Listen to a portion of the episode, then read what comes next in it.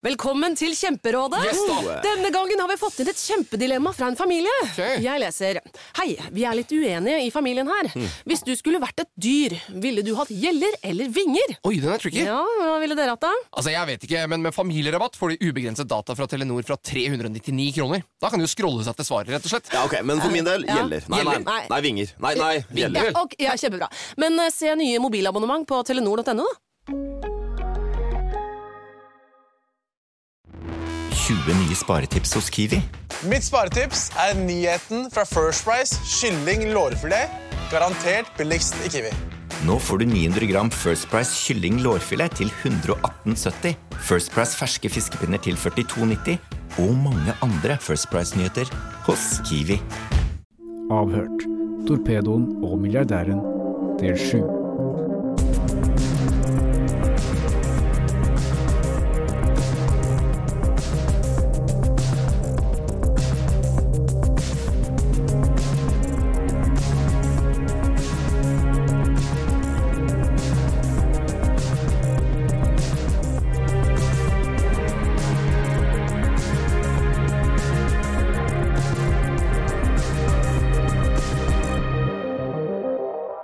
Nilsen er altså daglig leder i AAV, som er advokatfirmaet til advokat Ellen Holager Andenes. Men hun er ikke advokat selv. Nei, hun starta vel som eh, sekretær. Men hun er vel ikke advokat, er hun det? Anna Nilsen er ikke advokat, hun er utdanna advokatassistent, eh, men har vært daglig leder av Hordlager Andenes sitt eh, advokatselskap siden det selskapet ble starta.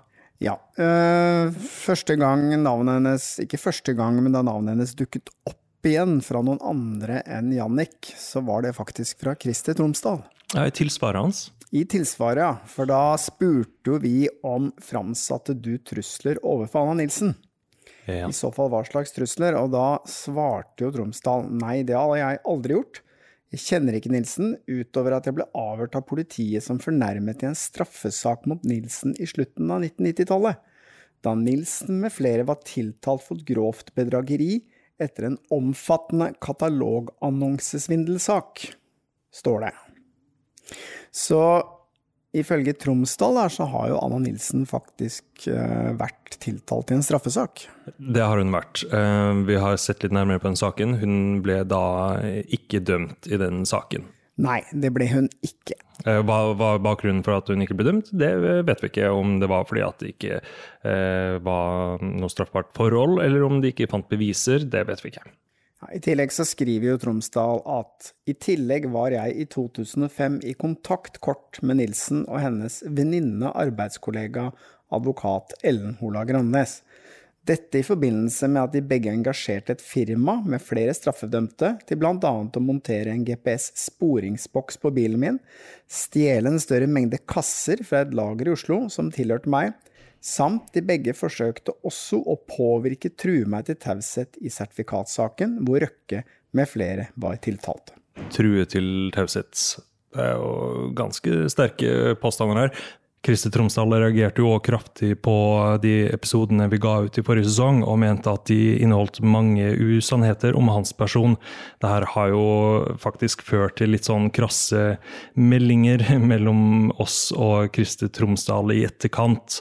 Eh, Vi trenger ikke å gå sånn nærmere inn på det her og nå. Eh, Vi har gitt ham muligheten til å komme i studioet vårt og gi sin versjon av saken, men det har han ikke ønska å, å gjøre.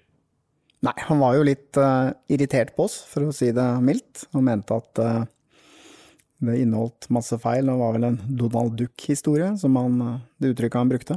Men det, det får meg til å tenke på en uh, nyhetsartikkel som kom over, fra Dagbladet. Der det er en litt sånn her litt lang artikkel som heter 'Røkkes frekke damer'. Røkkes frekke damer. Yes. Det gir jo assosiasjoner til noe helt annet. Jeg kan lese litt fra den. Um, advokat Holager Andenes og hennes assistent Anna Nilsen er Advokat-Norges nye kvinnelige superpar. Altså, Saken her handler om at uh, Ellen Holager Andenes og Anna Nilsen tok med seg et av aktoratets viktigste vitner ut på en båttur kort tid før han skulle inn i den båtsertifikatsaken her og forklare seg. Den personen de tok med på den båtturen, var en av Sveriges fremste eksperter på båtførerutdanning, Gøran Lindholm, og han skulle vitne i saken. Og det, det står her at eh, de kjørte rundt med det her uh, vitnet som aktoratet ville ha på retten, i to timer. Sammen med Røkke, da, eller? Yes. Sammen med Killing Inge Det kan du vel trygt kalle for påvirkning av vitner, eller hva? De ble jo konfrontert med det her, da. Eh, Det var min idé. Det gjelder å overraske litt og ha det moro, sier eh, horlager Annes. Og det, det er vi jo eh, helt enig i. Skal jo ha det moro. Vitnepåvirkning blir de jo konfrontert med her. Aktor Susi Bergstrand sier til Dagbladet at det er straffbart å påvirke vitner, og denne båtturen i Göteborgs skjærgård skjedde bare for tre uker siden, lenge etter at Lindholm var stevnet som vitne. Altså, de visste at han skulle inn i saken og vitne. Likevel så oppsøker de han, tar han med på båttur. De tilbakeviser jo at det her skal ha noen ting med vitnepåvirkning å gjøre. Eh, Holager Andenes fnøs av aktoratets reaksjon på at de hadde, hadde gjort det her. Hun sier at det her har overhodet ikke noe med påvirkning å gjøre. Palin har godkjent Røkkes eksamen fordi han har stor realkompetanse, altså at Kjell Inge Røkke har stor realkompetanse. Så kommer noen journalister og forteller at Røkke ikke kan kjøre båt. I en slik sammenheng må det jaggu være viktig at vi gjør noe for å vise hans kompetanse. Det må være lov å forsvare seg. Man kan jo bare spekulere i hva som har eh, blitt sagt eh, på den båtturen, men eh, der har altså Kjell Inge Røkke, Anna Nilsen og horlager Annes eh, hatt et eh, vitne om bord i en båt eh, i to timer. Kort tid før han skulle inn og forklare seg i saken.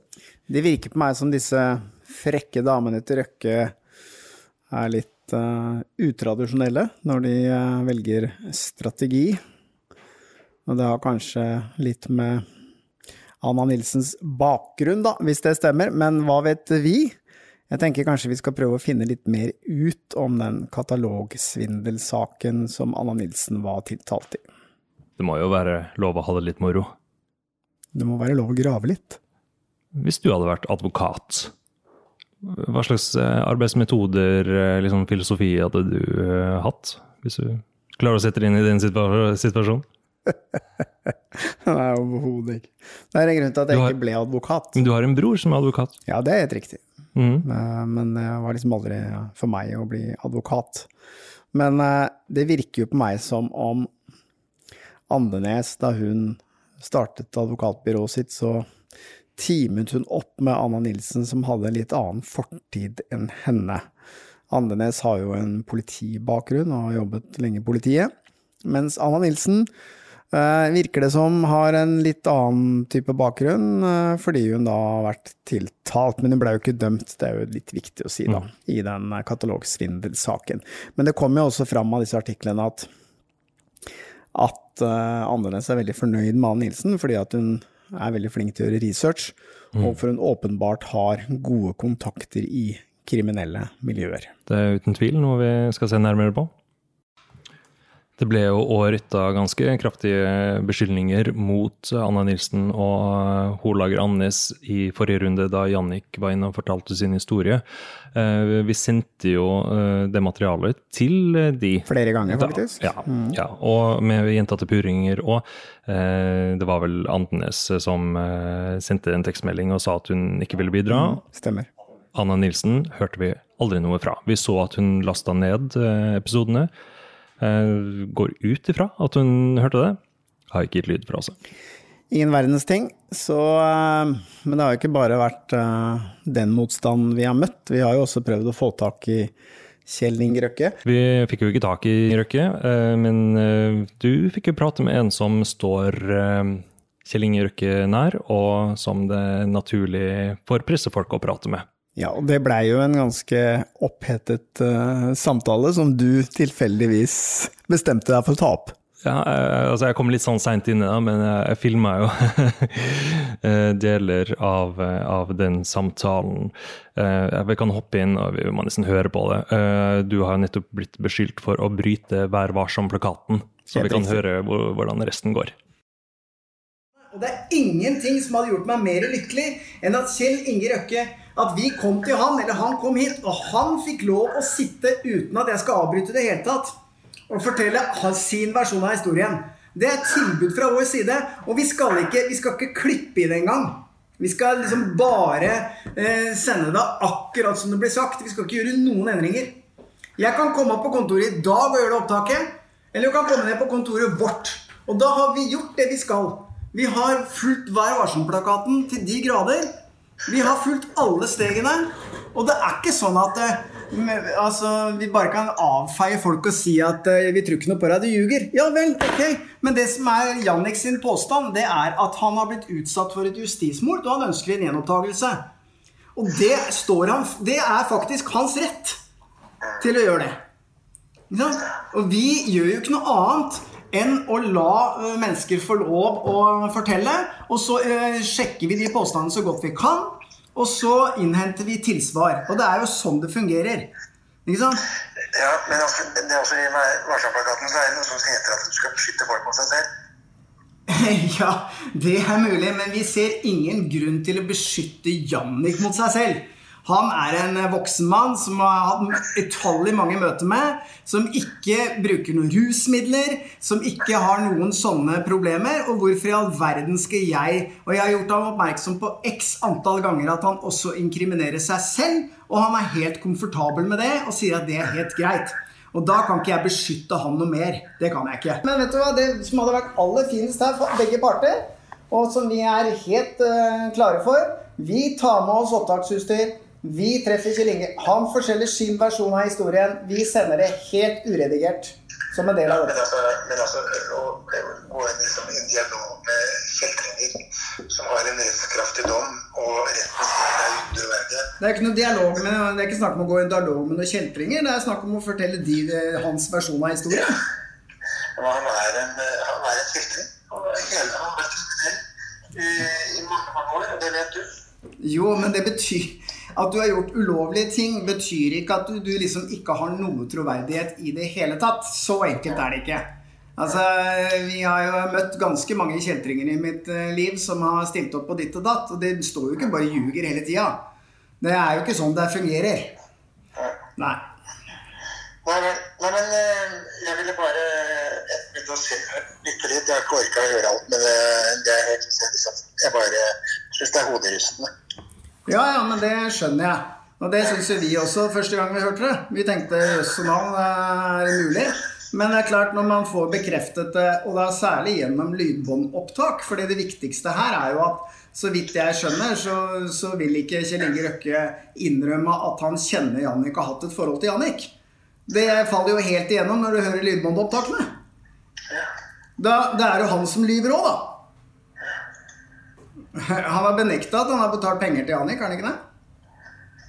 Ja, det, ja, det vet jeg ikke. Jo, det er- sto han i retten og benektet. Det har vi på tape at han har gjort. Hvem er det som lyver da? Nei, men øh, eh, Du fikk jo eh, sånn gavekort av meg du, på sånn her anger management-kurs. Sinnemestring.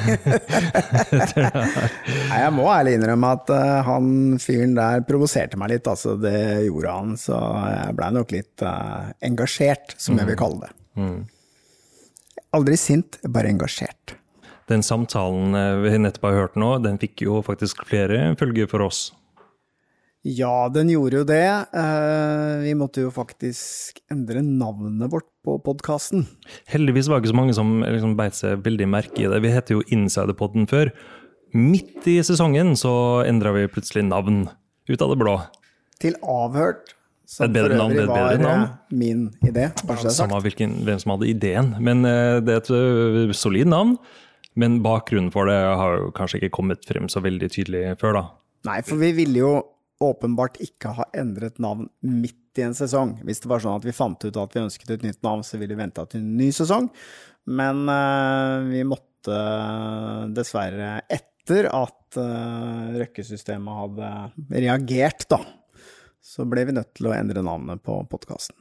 Men du, uh, det stoppa jo ikke der. Vi, Vi blei jo kredittsjekket hele gjengen.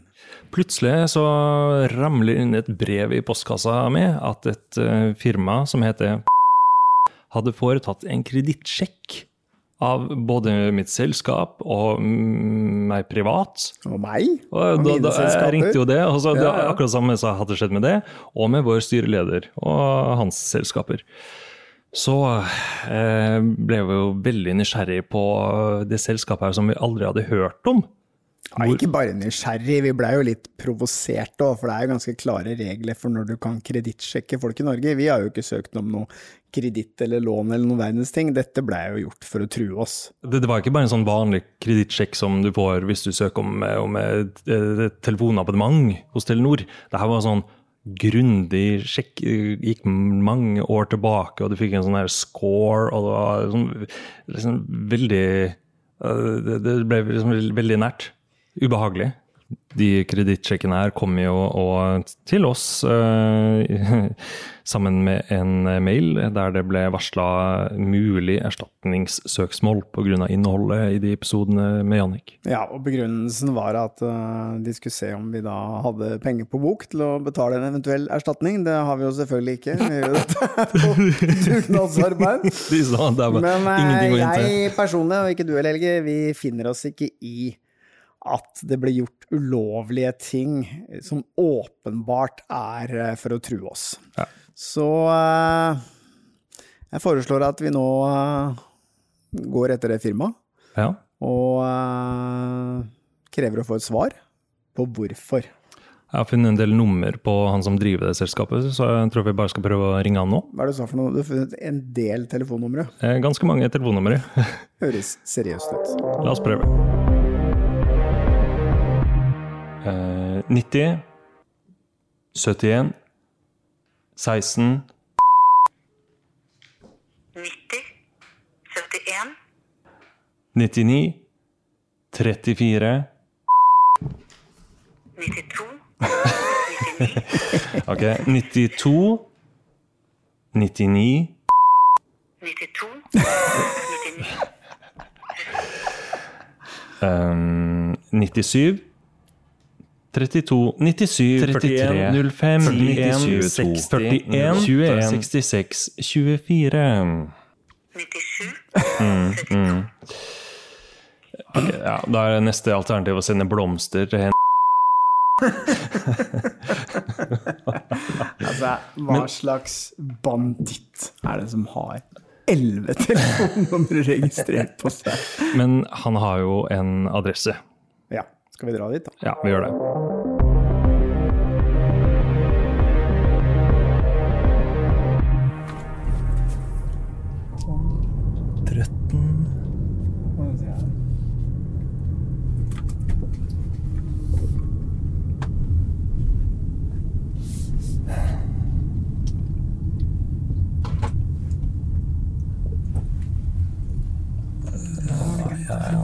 Jeg lurer på om den fortsatt opp der, til høyre.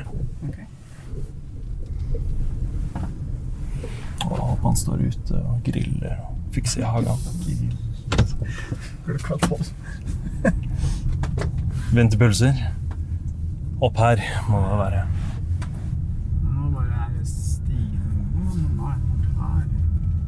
Ja, Syv?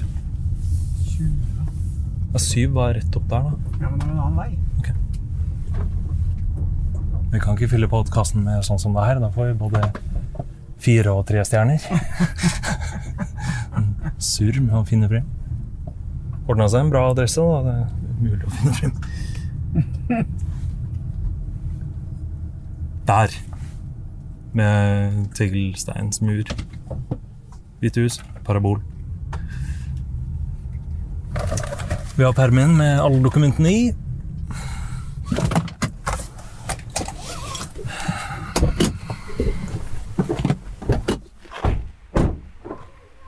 Ja. Ikke hvor en gang jeg har, eller? Hovedkvarteret til AS. Nei, det er jo dør oppe her, da. Ja. Sånn er det folk hjemme. Det ringer på.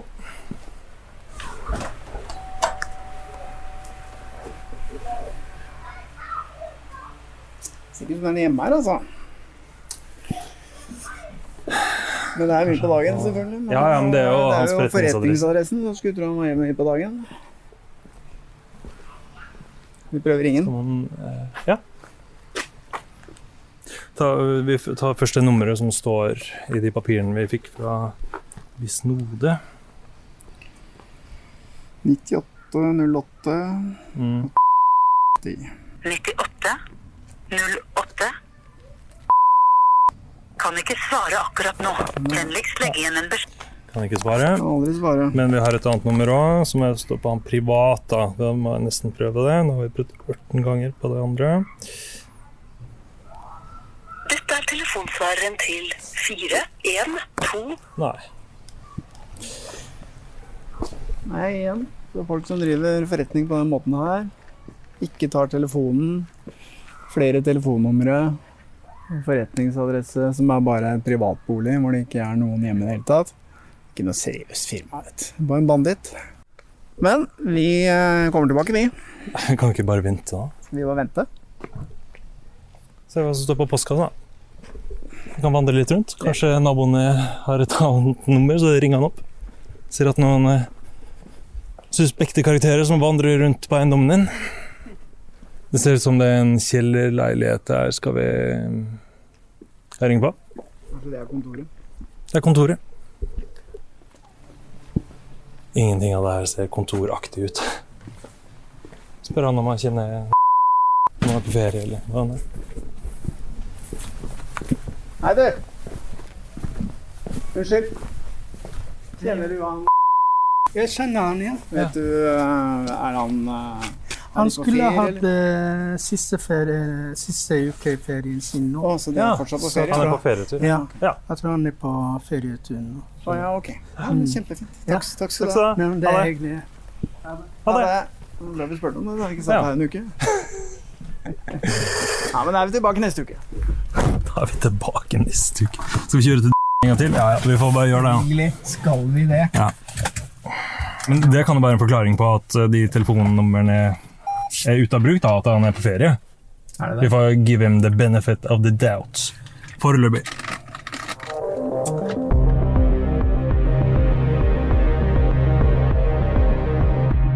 Ok, da har vi vært og besøkt firmaadressen nok en gang, uten hell. Vi har òg forsøkt å ringe alle telefonnumrene, men ingen svarer.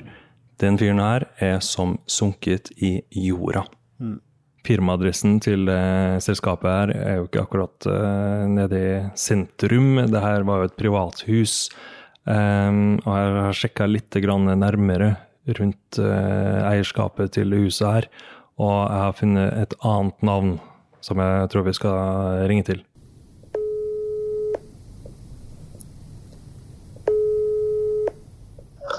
Det er Stein Morten Lier som ringer, du.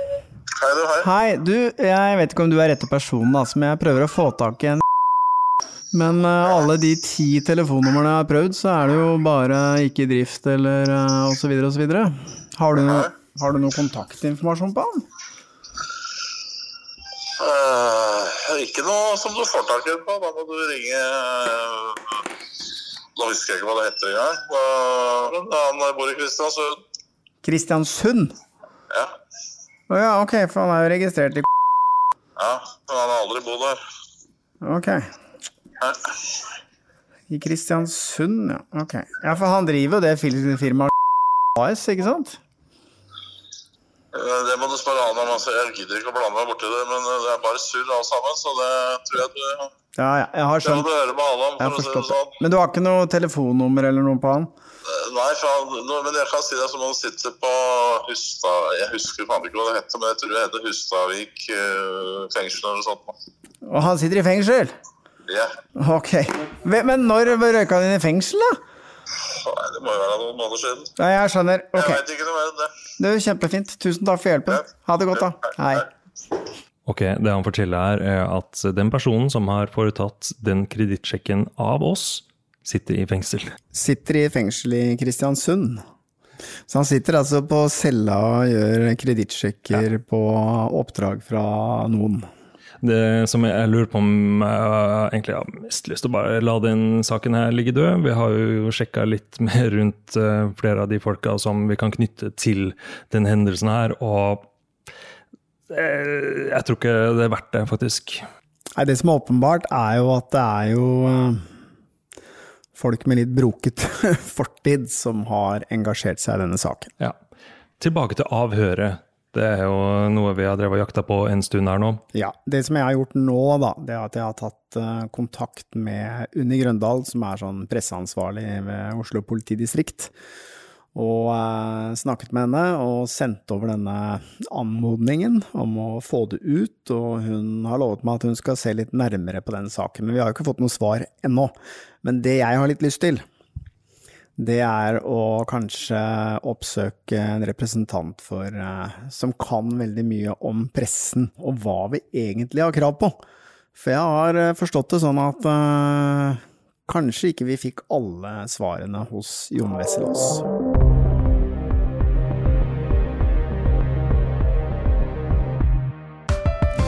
Er en liten quiz. Du må svare det første du tenker. Ok, kjør på. Hvilket lys kan man kjøre på? Altså grønt? Hvilken farge brukes om en som er litt nybegynner? Grønn. Ja. Hvilken farge har bedriftshelsetjenesten som passer best for mindre bedrifter? Grønn? Ja! Grønn jobb er bedriftshelsetjenesten som er tilpasset mindre bedrifter. Få på plass bedriftshelsetjeneste på grønnjobb.no.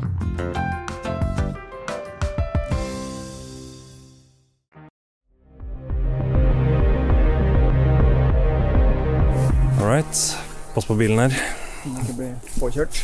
Nå er vi på vei til Sindre Meldalen. Han er ekspert på eh, pressens eh, rett til innsyn i denne type saker som vi holder på med nå.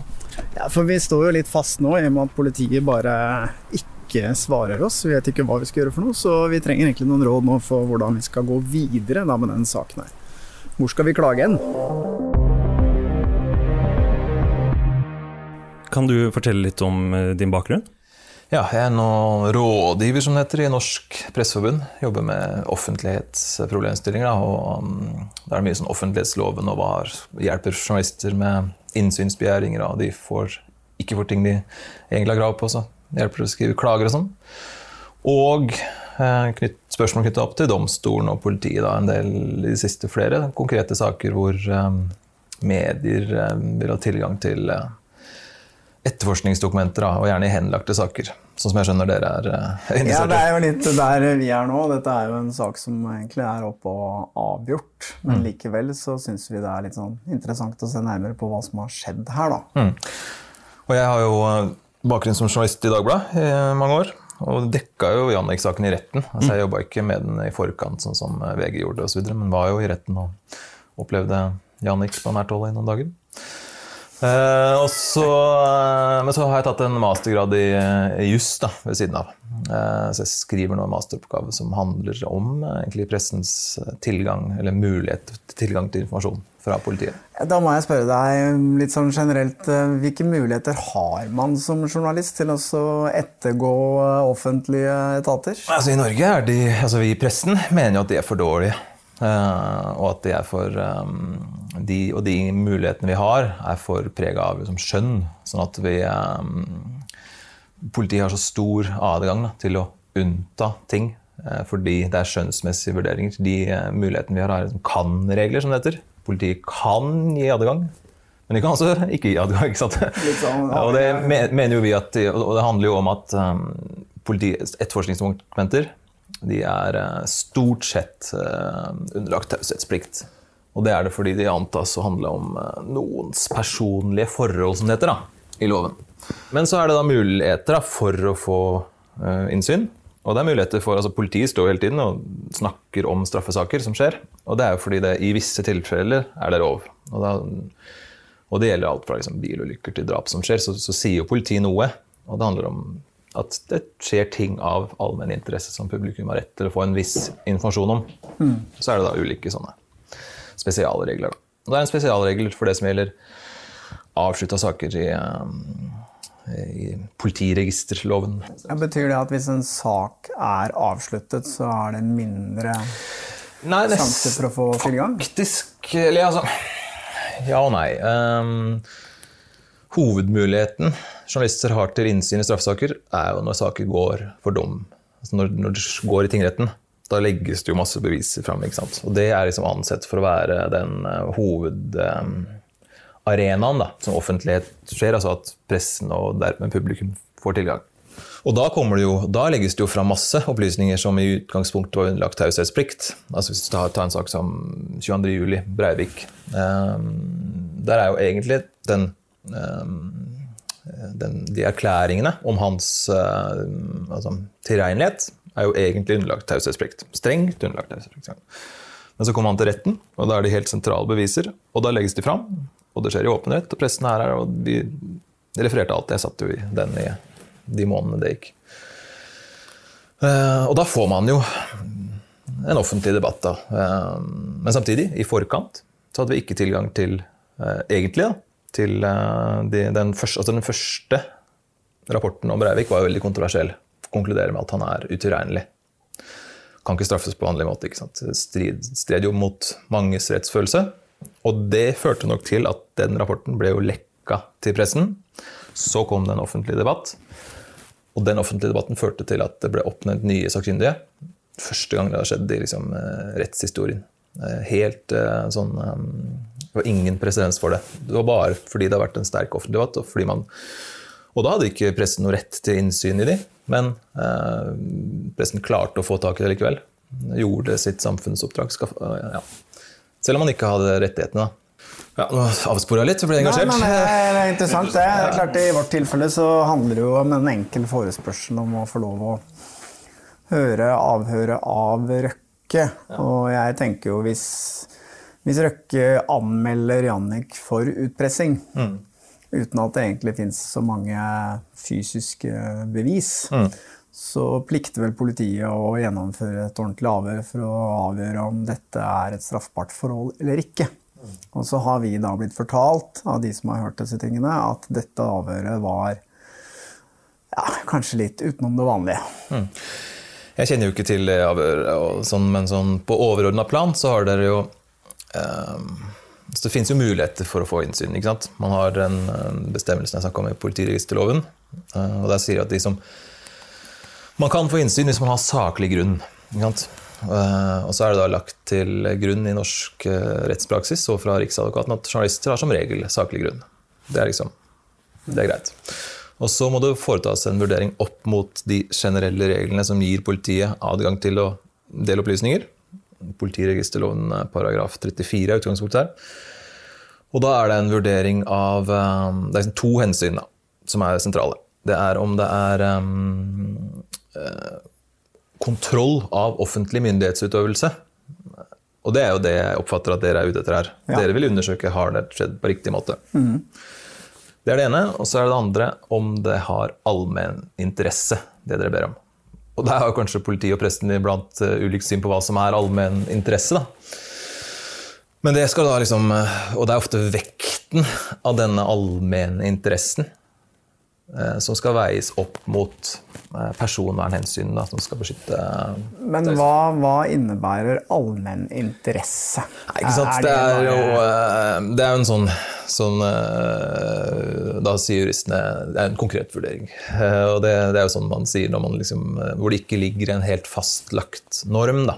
Eh, For det, det er jo da det enkelte beviset som vurderes om det har allmenn interesse. Eh, og da har man f.eks. en sak som var oppe i lagmannsretten nå nylig, eh, hvor VG ba om innsyn i masse dokumenter knytta til Det var en politimester som var sikta for ulovlig våpenbesittelse. Ja, han kjenner vi. Eh, og der fikk de en del dokumenter, men de fikk ikke avhørene. Eh, eh, og der eh, En av begrunnelsene for det var at dette konkrete avhøret ikke ble ansett for å være et sentralt bevis i saken. Det høres jo merkelig ut for meg som ikke kjenner saken og bare har lest dommen, men ja. Og det er jo noe pressen er, VG og da Norsk Journalistlag og Redaktørforeningen er veldig uenig i. da. De har jo anka saken til Høyesterett og mener at dette er et dokument som har sterk Altså at allmenninteressen er sterk. Ja, For å holde tilbake det, så kan man fort få en følelse av at de driver og beskytter hverandre. da. Ja, det, det kan jo være mistanke, da. Jeg, jeg kjenner ikke det konkrete der. Men der var jo den vurderinga at dette beviset var ikke så sentralt. Eh, og da har man jo en tidligere dom eh, fra Høyesterett. Eh, NRK fikk innsyn i opptak fra legevakta i Oslo Det var en person som døde der etter at det ble tatt et halsgrep osv. Husker den hendelsen der. ja. Alvorlig og stygg sak, og den, eh, den ble jo henlagt. Og det var en del av begrunnelsen for at Høyesterett i eh, det var vel i 2015 ga mm, NRK innsyn, etter at de hadde blitt nekta av riksadvokat og liksom hele veien, at dette var et helt sentralt bevis i saken. da. Så det, det er en del av vurderingen, altså den del av den konkrete vurderingen som må gjøres. Altså, det var helt åpenbart at det var en sak av allmenn interesse. Så må man inn og vurdere liksom, det konkrete beviset. da. Og da I den uh, VG-våpensaken så har jo da lagmannsretten kommet til at akkurat det beviset var ikke, var ikke den, ja, det vilkåret innfridd. da. Ok. Så er det jo annen ting som, um, som talte for at NRK fikk innsyn i den saken, var jo at dette var en, um, det var en henlagt sak. Eh, og da hadde den aldri vært oppe for domstolen. Og da hadde aldri pressen fått mulighet til å være til stede. Og, altså dette var et bevis som ville ha blitt lagt fram i retten. Og da er det jo Ting som er lagt fram i retten, er det en sånn kutyme for at da er det større Da deles det ofte med pressen, da. Men dette avhøret ble jo lagt fram i retten. Ja. Så um, taler det liksom for vår sak om å få lov å høre det? Ja, det, det er jo en viss presedens for at man får ting som er lagt fram i retten. Mm. Det som da taler um, mot, er jo at uh, da har det allerede vært offentlighet mulighet. Dere hadde muligheten der, på en måte, da. Eller ja, pressen. Ja. Før, før vi kastet oss over saken. Eh, Fordi det, det er jo da Høyesterett har slått fast at, eh, at denne liksom, pressens rett står sterkere i saker hvor, eh, når det har vært en henleggelse, og det ikke har vært domstolsprøving og, og journalister til stede. liksom. Vi har jo vært i dialog med, med politiet. Var i dialog lenge med en ansvarlig påtalejurist. Mm.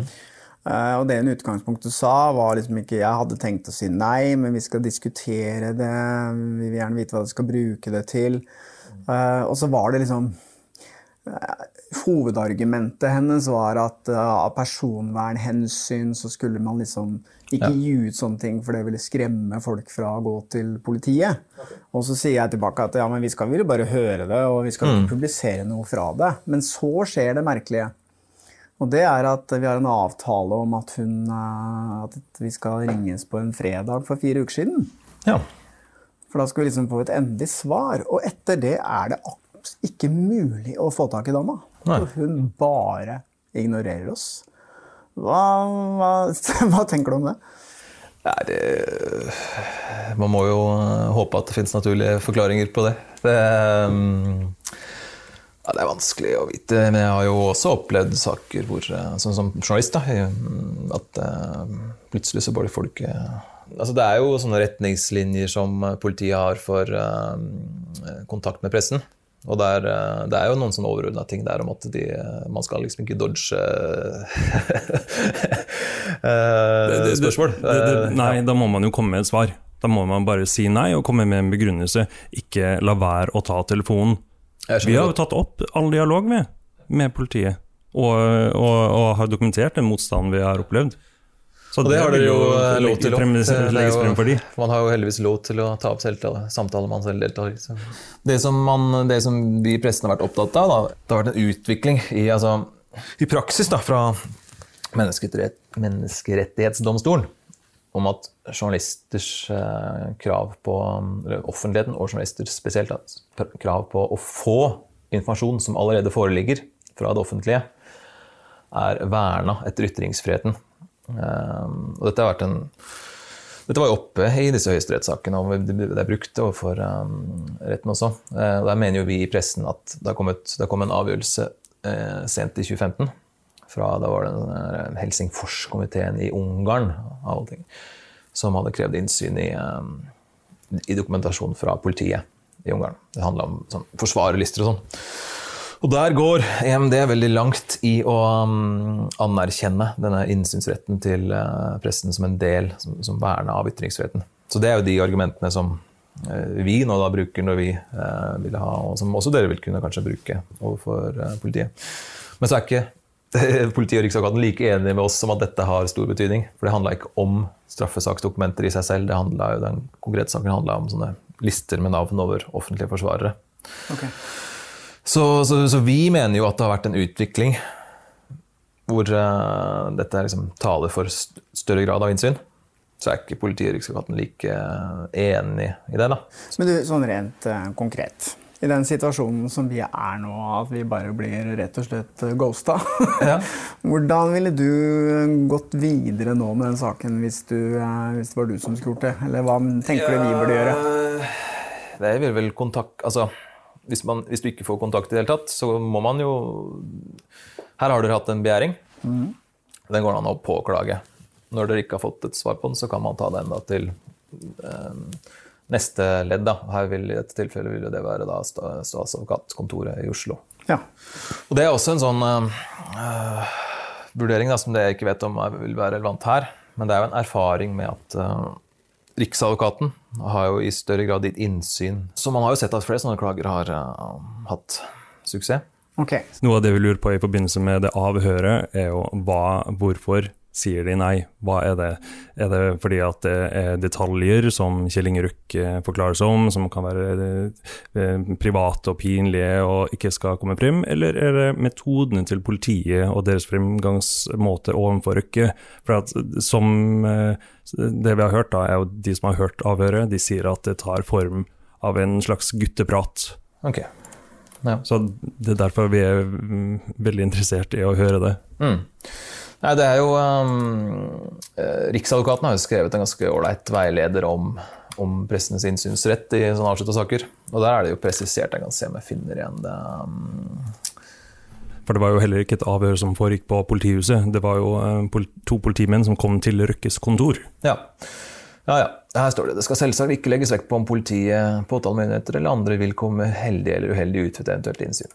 Så vet jeg jo ikke om det er relevant her, men det skal i hvert fall ikke være et hensyn de skal ta til uh, Nei, det er jo heller ikke det de bruker som begrunnelse. De Nei. sier at det er pga. at uh, den som forklarer seg, skal vernes, og det innholdet. Ja. Men når man hører det om at det skal ha vært en gutteprat, så uh, tenker vi at det er på sin plass å stille spørsmålstegn ved politiets metoder òg.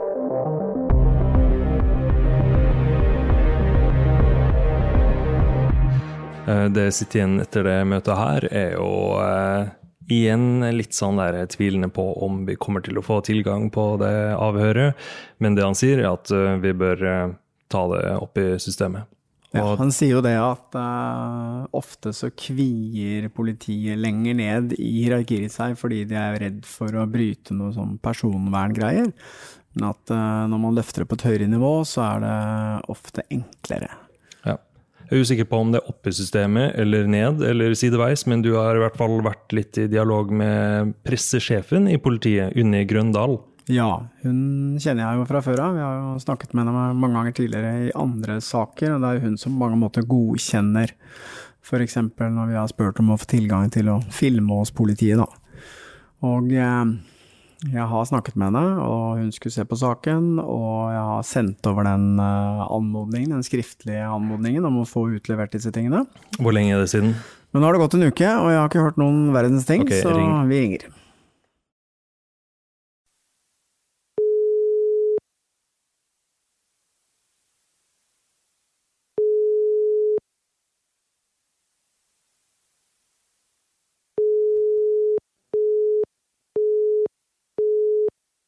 De her to vi har vært i kontakt med nå, hun som skulle komme med en tilbakemelding, som har slutta å svare, og nå Unni Grøndal, som du kjente fra før, som heller ikke svarer. Ja, det er jo litt tidlig å konkludere med at eh, Grøndal ikke kommer til å svare. Jeg tenker vi skal gi henne litt mer tid. Greit, greit. Men jeg har endelig fått tak i lagmannsrettens kjennelse og begrunnelse for hvorfor anken til Jannik ble avvist, Mhm. Og som ble støttet av Høyesterett. Og jeg sitter og leser litt, og det er liksom Det han ble dømt for, det forundrer meg litt. Jeg er ikke noen jurist, selvfølgelig, men, eh, men jeg skal lese litt hva som står. Lagmannsretten viser til tingretten etter en omfattende bevisførsel fant det bevist utover enhver rimelig tvil at Iversen med forsett om å forsøke å skaffe seg en uberettiget vinning, framsatte trusler mot fornærmede Kjell Inge Røkke om frihetsberøvelse, samt at han også truet med politianmeldelse og med å offentliggjøre ufordelaktige opplysninger om fornærmede. Og det som jeg syns er litt rart her, det er at eh, frihetsberøvelse. Det vi har sett ut ifra de tekstmeldingene, det er at det eneste han sa var jo at han ønsket å ta med seg Røkke til politiet. Eh, Det er klart, nå er jo ikke han eh, politi og kan arrestere noen, men at det, ja, det kan kanskje tolkes som kidnapping, da. Men det er for så vidt greit, men så er det de to neste. Han truet med politianmeldelse. Det er faktisk en del av dommen. Det er det han er dømt for. Han er dømt for å true med det, og da blir Så- jeg litt sånn overrasket. For hvis du, Helge, jeg vet at du har gjort noe som er straffbart og ulovlig, og jeg sier til deg at dette kommer jeg til å anmelde, så har på mange måter jeg gjort noe straffbart. Det er jo ganske spesielt, da. Så jeg har ikke lov å si til deg at uh, det, dette kan du å anmelde? Nei, ok. Så det, Det er det, er jo en, greit å en, vite. Mm. en, en bra Det er et tips da, til de som begår kriminelle handlinger der ute. At hvis noen truer med å, at de vil anmelde det, så kan du anmelde de igjen. Det er et godt tips For å ha kommet med den trusselen. Og så står det at han har truet med å offentliggjøre ufordelaktige opplysninger om fornærmede. Så han sitter altså på en del opplysninger som han sier han skal gå til VG med. Om straffbare handlinger. Om straffbare handlinger. Og da blir du dømt fordi at du sier at du ønsker å gå til media med det. Mm. Jeg syns det er litt merkelig. Men så er det jo også én ting til som forundrer meg med denne dommen.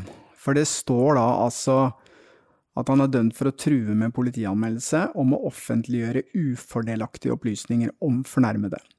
Og alle disse tingene handler jo om at Jannik mener at han sitter på bevis for at Røkke har begått straffbare handlinger tidligere. Og så er ikke retten det minste interessert å høre noe om hva disse straffbare handlingene innebærer. Altså høre på lydbåndene, for eksempel. De bare sier at det er ikke interessant. Hvis de mener at Jannik var i en posisjon hvor han kunne anmelde og offentliggjøre ufordelaktige opplysninger om fornærmede, hvorfor er de ikke interessert i å høre hva slags opplysninger det er, og hva eventuelt Røkke har gjort? Det er jo avgrensning i rettssaken. da. Det er jo tre måneder forut for anmeldelsen. Så Jo, alt men som har foregått før, det er totalt uinteressant er- og helt utrolig. Det er jo helt utrolig, fordi langt på vei skriver jo her at Jannik var i en posisjon hvor han kunne komme med slike opplysninger med Røkke. Men vi vil ikke høre Vi vil hva ikke det er snakk om! Det var helt fantastisk. Kjenner du at du får eh, sånn økt tillit til rettsvesenet? Jeg føler jo at eh, det er et forbedringspotensial der. Eh, Bare håper det rettes opp før vi eventuelt skal sitte på tiltalebenken der. Vi på tittelbenken. Ja, Vi får se hva som kommer ut av det her. Ja, vi publiserer jo ufordelaktige opplysninger, vi også, så kanskje vi ender opp med en tiltale. Er det Unni Grøndal? Nei, vet du hva, det er faktisk Krister Christer Tromsdal. Kødder du? Ta da. Hei, Christer. Hei, god dagen. Hei, hvordan går det?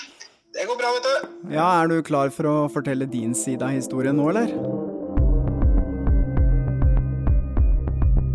Avhørt er produsert av Batong Media, og all musikk er laget av Georg Roås. For å komme i kontakt med oss, gå inn på Facebook-siden Batong Media. Hvis du vil høre flere eksklusive episoder av Avhørt, så gå inn på podme.no, eller last ned appen Podme.